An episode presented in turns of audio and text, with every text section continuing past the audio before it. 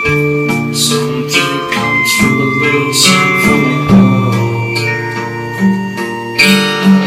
Not every definition will do. So tell me, what does it mean to you?